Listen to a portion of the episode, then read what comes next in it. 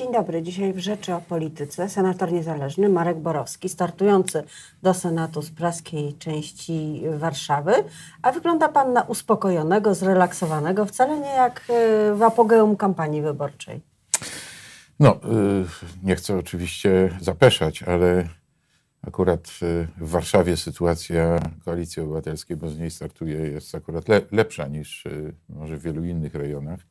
Y, co nie znaczy, że kampanii nie ma. Y, staram się być dość aktywny w trakcie tej kampanii, y, być obecny tam, gdzie są wyborcy.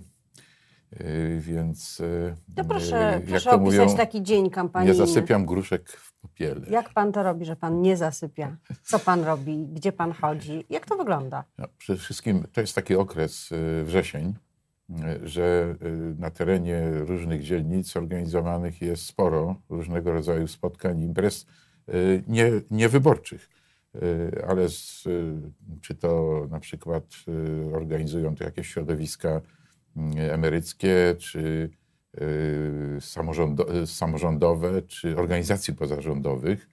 Ostatnio na przykład taki festiwal organizacji pozarządowych odbył się na placu Halera w, na Pradze czy powiedzmy sobie na działkach.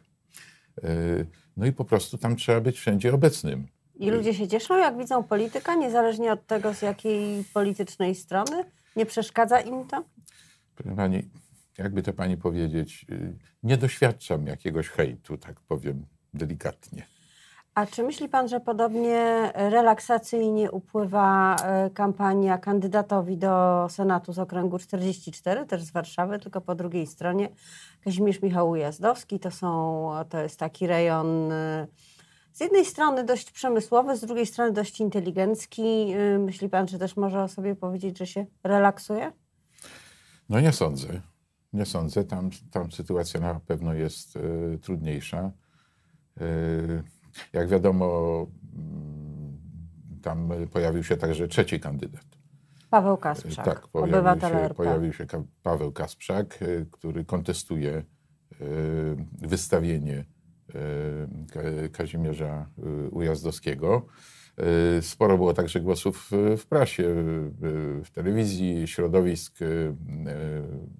no, powiedziałbym, liberalno-lewicowych. E, które, które kwestionowały tę kandydaturę, które deklarowały, że nie będą na niego głosować. E, no i Kas, pan Kasprzak postanowił dać im szansę.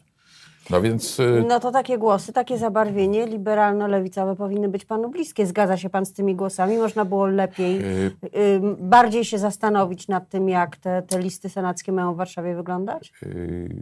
Znaczy ja uważam, że y, w tej chwili nie dyskutuję już nad tym, czy y, pan Kazimierz Ujazdowski powinien być akurat w Warszawie i w, w tej dzielnicy, czy nie. Natomiast uważam, że dzisiaj e, głównym problemem e, opozycji, głównym zadaniem opozycji jest przywrócenie praworządności w Polsce. I z, te, z tego punktu widzenia Kazimierz Ujazdowski nie jest dla mnie kandydatem kontrowersyjnym. Ja przypomnę, że, że Ujazdowski e, e, został wybrany europarlamentarzystą z listy PiSu e, po roku, kiedy PiS w Polsce zaczął demolować Trybunał Konstytucyjny i sądy. Ujazdowski ogłosił to w prasie, chyba nawet na łamach Rzeczpospolitej. Tak. Był nie jeden artykuł jego, w którym on ostro skrytykował te działania a następnie wy, wy, wystąpił z PiSu, e, przecież w sytuacji, w której PiS był tu partią dominującą i rozdawał wszystkie frukta. Więc ja doceniam to e, i doceniam jego e, merytoryczne stanowisko, bo on bardzo dobrze tu tam argumentował, bardzo merytorycznie. Więc Czy Paweł Kasprzak powinien się wycofać? Proszę pani, ja zaryzykuję, ja zaryzykuję taką, aczkolwiek chcę jasno powiedzieć, jeśli chodzi o pana Pawła Kasprzaka i jego działalność jako obywatela RP, bo on jest tu twarzą główną tego, tego środowiska, absolutnie to doceniam. To jest człowiek odważny, dzielny i, i wielokrotnie pokazywał innym że jak należy, jak należy stawiać ten opór i protestować przeciwko tym, tym zmianom. Także ja go doceniam.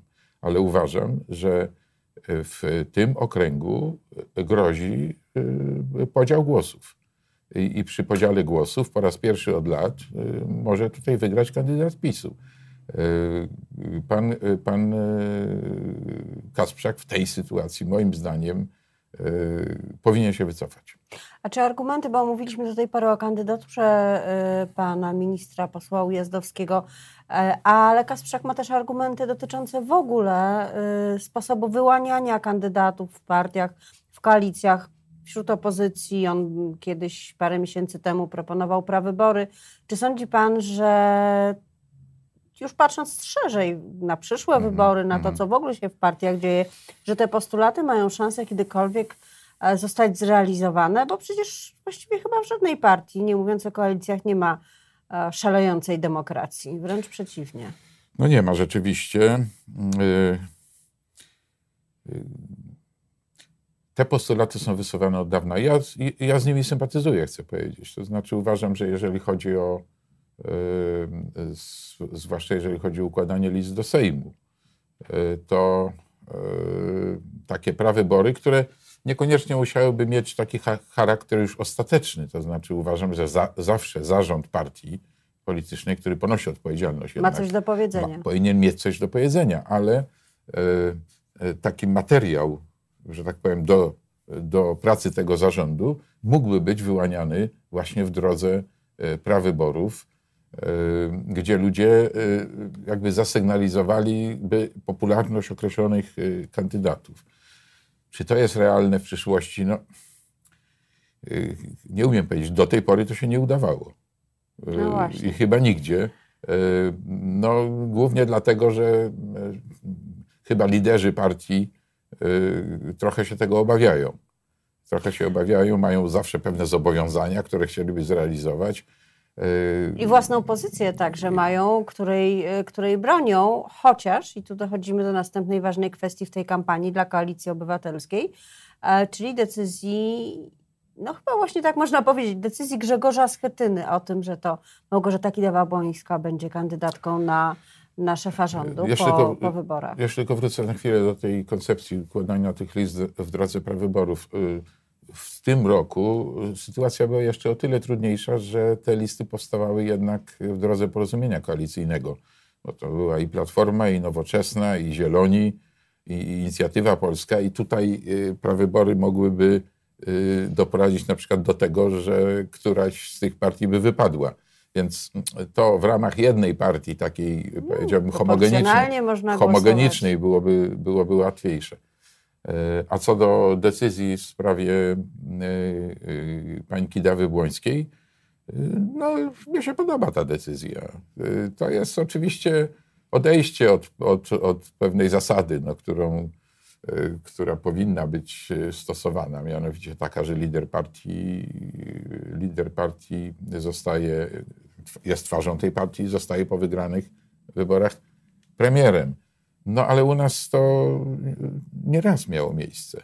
Patrząc na e, plakaty wyborcze, na e, piękne banery pani Małgorzaty Kidawy-Błońskiej, trudno się oprzeć wrażeniu, że ktoś, kto je projektował, e, ograniczał się tylko do wizji parlamentarnej. Czy to nie jest przygotowanie do kampanii prezydenckiej? Ale to nie jest chyba nawet ukrywane. To znaczy, nie ma takiej deklaracji oczywiście jasnej E, ale nie ma też tutaj wyraźnego zaprzeczenia. E, o ile pamiętam wypowiedź Grzegorza Schetyny, to była właśnie w tym duchu, że, że te sprawy to będziemy rozstrzygać po wyborach. No więc e, taka, taka możliwość oczywiście istnieje. Donald Tusk nie chce już próbować swoich sił w wyborach prezydenckich. Sądzi pan, że nie wróci do polskiej polityki? Trochę nie pogniewał? Panie redaktor, to jest tak. Te wybory mogą być albo wygrane, albo przegrane, prawda? To prawda. Tak jest. No więc, nie ma. Więc jeżeli, więc jeżeli y, te wybory będą przegrane dla opozycji, y, no to y, wygranie wyborów prezydenckich będzie silnie utrudnione i nie sądzę, żeby Donald Tusk się wtedy zgłosił jako kandydat. A Małgorzata Kidawa-Błońska jest wystarczająco silna, żeby się zgłosić czy mieć szansę? A Małgorzata Kidawa-Błońska tak. Yy, Natomiast jeżeli te wybory będą wygrane, no to wtedy y, to Grzegorz Schetyna będzie raczej decydował o tym, kto będzie kandydatem i to tym bardziej zwiększy możliwości y, Małgorzaty Kidawy-Błońskiej, więc tym bardziej już nie będzie miejsca dla Donalda Tuska. Także myślę, że ta dynamika uległa zmianie po tej decyzji y, Grzegorza Schetyny o wysunięciu Kidawy-Błońskiej na ewentualnego przyszłego premiera.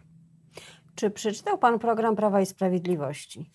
Y, zabieram się do tego. 300 stron. Tak, zabieram się do tego, ponieważ y, no, nie, nie chwaląc się, jestem znany z tego, że czytam takie dokumenty. Na przykład byłem Tak jednym z niewielu, który przeczytał strategię odpowiedzialnego rozwoju premiera Morawieckiego, y, o której on już zapomniał zresztą, bo tam było szereg rzeczy, które nie zostały zrealizowane, więc pan premier już o niej zapomniał, a ja to czytałem i co pewien czas przypominam. Więc y, ten program oczywiście przeczytam. Oczywiście i to w niedługim czasie. Co wydaje się panu, no bo relacji y, z różnych kwestii, które się tam pojawiają, jest sporo. Omówień, analiz oczywiście w środowisku dziennikarskim wzburzenie i wielką dyskusję wywołały plany uregulowania statusu zawodu dziennikarza. PiS tłumaczy to tym, że w internecie to właściwie wszystko jest możliwe, nie wiadomo kto jest dziennikarzem. E, posłów wzburzyły plany y, wprowadzenia możliwości aresztowania e, posła i ograniczenia immunitetu. Jest tam parę punktów, które no można powiedzieć, bardziej, czynią państwo bardziej bezpośrednio zarządzanym przez, przez partię rządzącą, bez żadnych e, filtrów. E, czy pan podziela takie bardzo kasandryczne przepowiednie wielu polityków opozycji, że to już jest koniec demokracji, zapowiedziany, wprost napisany, czy to po prostu jest taka mm, próba złożenia paru propozycji nowych? Mm. Proszę Pani, w 2015 roku, jeszcze przed wyborami, napisałem taki artykuł w Gazecie Wyborczej, który, który miał tytuł Demokratura. E, I tam analizowałem e, propozycje PiSu wynikające z projektu konstytucji, który PiS w swoim czasie opracował. E, I pokazałem, że PiS będzie dążył do czego? No do tego, co właśnie robił później czyli do ubezwłasnowolnienia Trybunału y, Konstytucyjnego, następnie sądownictwa, na, następnie wprowadzenia kagańca na różne dziedziny, gdzie ludzie y, wyrażali swobodnie swoje, swoje poglądy i aspiracje, i to wszystko zaczęło się dziać. Więc.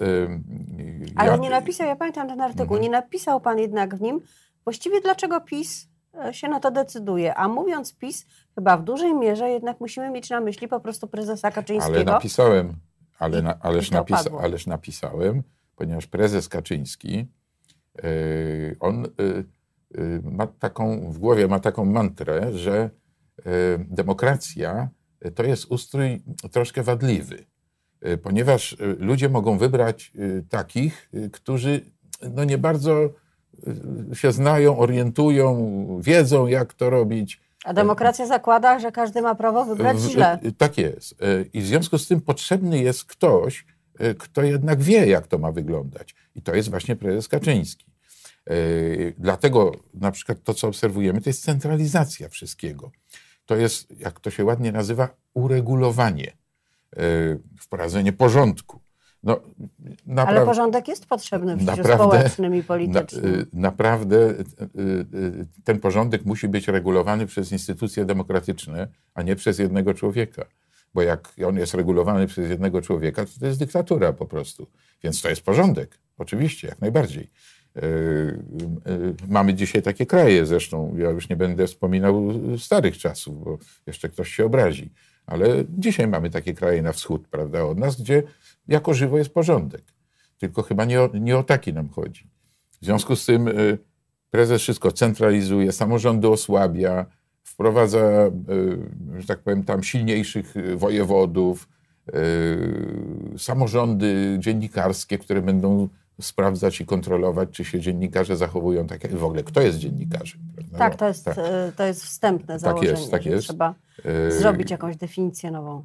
No oczywiście dalsze, dalsza reforma, w cudzysłowie oczywiście, sądów E, Czyli chodzi o to, żeby jednak już sędziowie wydawali takie wyroki jak trzeba. Dobrze, ale ja powtórzę pytanie. Po co? Władza dla samej władzy, czy władza po to, żeby coś zrobić, żeby coś zrealizować? Jak pan ocenia e, jakby poziom takiego merytorycznego nachylenia e, Jarosława ja Kaczyńskiego? Uważam, nie, no, ja go nie demonizuję, chociaż to jest taki troszkę demon zła, y, tak to określę. To, to, to jest człowiek inteligentny. Y, On jest po prostu przekonany, że on po sobie zostawi wspaniały kraj. To, to, to nie Chcę jest. przejść do historii. Tak, chcę przejść do historii. Wspaniały, rozwijający się kraj, w którym wszyscy są szczęśliwi. I on to zadekretuje To po prostu. cel jest. Nie, no, wspaniały, spa, wspaniały. Cały czas na końcu języka mam przykłady z historii ludzi, którzy w ten sposób uszczęśliwiali narody, ale nie wymienię ich, naprawdę. Więc y, y, y, ni- niestety ten, oczywiście pewnych rzeczy nie zrealizuje. No na przykład ta zmiana mm, immunitetu poselskiego, która jest w Konstytucji i gdzie on proponuje w zasadzie go usunąć. Y, No, oddać w ręce przede wszystkim tak też jest. ministra sprawiedliwości. Sprawiedliwości, tak, znanego nam zresztą z imienia i z nazwiska. Więc y, on tego nie zrobi, bo to wymaga zmiany konstytucji. No. Więc pewnych rzeczy nie zrobi, ale inne zrobi. Y, I, to, co się wyłania z tego programu, to się wyłania państwo już takie półdyktatorskie, a, a w każdym razie silnie autorytarne y, i narodowo-katolickie. Bo, bo przecież prezes powiedział, że y, no, tylko ci, co y, pląsają przed ojcem ryzykiem, to są godni uznania, a y, reszta to nihiliści. To piękne słowo jest już trochę zapomniane.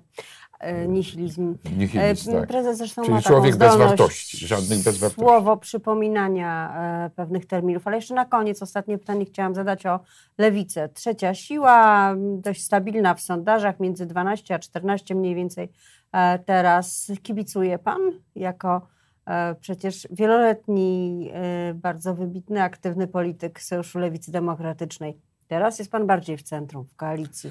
A lewica? To znaczy ja nie, poglądów nie zmieniłem, żeby sprawa była jasna. I, Scena się przesunęła. I w, I w tej, oczywiście, e, Platforma Obywatelska nie jest już partią prawicowo-konserwatywną. To, to, już, to jest przeszłość. Odczytała właściwie trendy również. Ja bym powiedział, że dzisiaj jest już taką partią centrowo-lewicową z dość silnym skrzydłem so- socjaldemokratycznym. Ja e, chciałbym ws- wspomóc, jeśli tylko będę potrafił to skrzydło i poglądów nie zmieniam. E, A tej lewicy kibicuję. Kibicuję jej, chciałbym, żeby, żeby była silna. Oczywiście no, przede wszystkim mobilizując wyborców, e, wyborców e, niezdecydowanych co do głosowania. Mm, e, Bo, bo jeżeli to będzie mobilizacja polegająca na tym, że będzie odciągać wyborców e, koalicji obywatelskiej, to suma pozostanie bez zmian.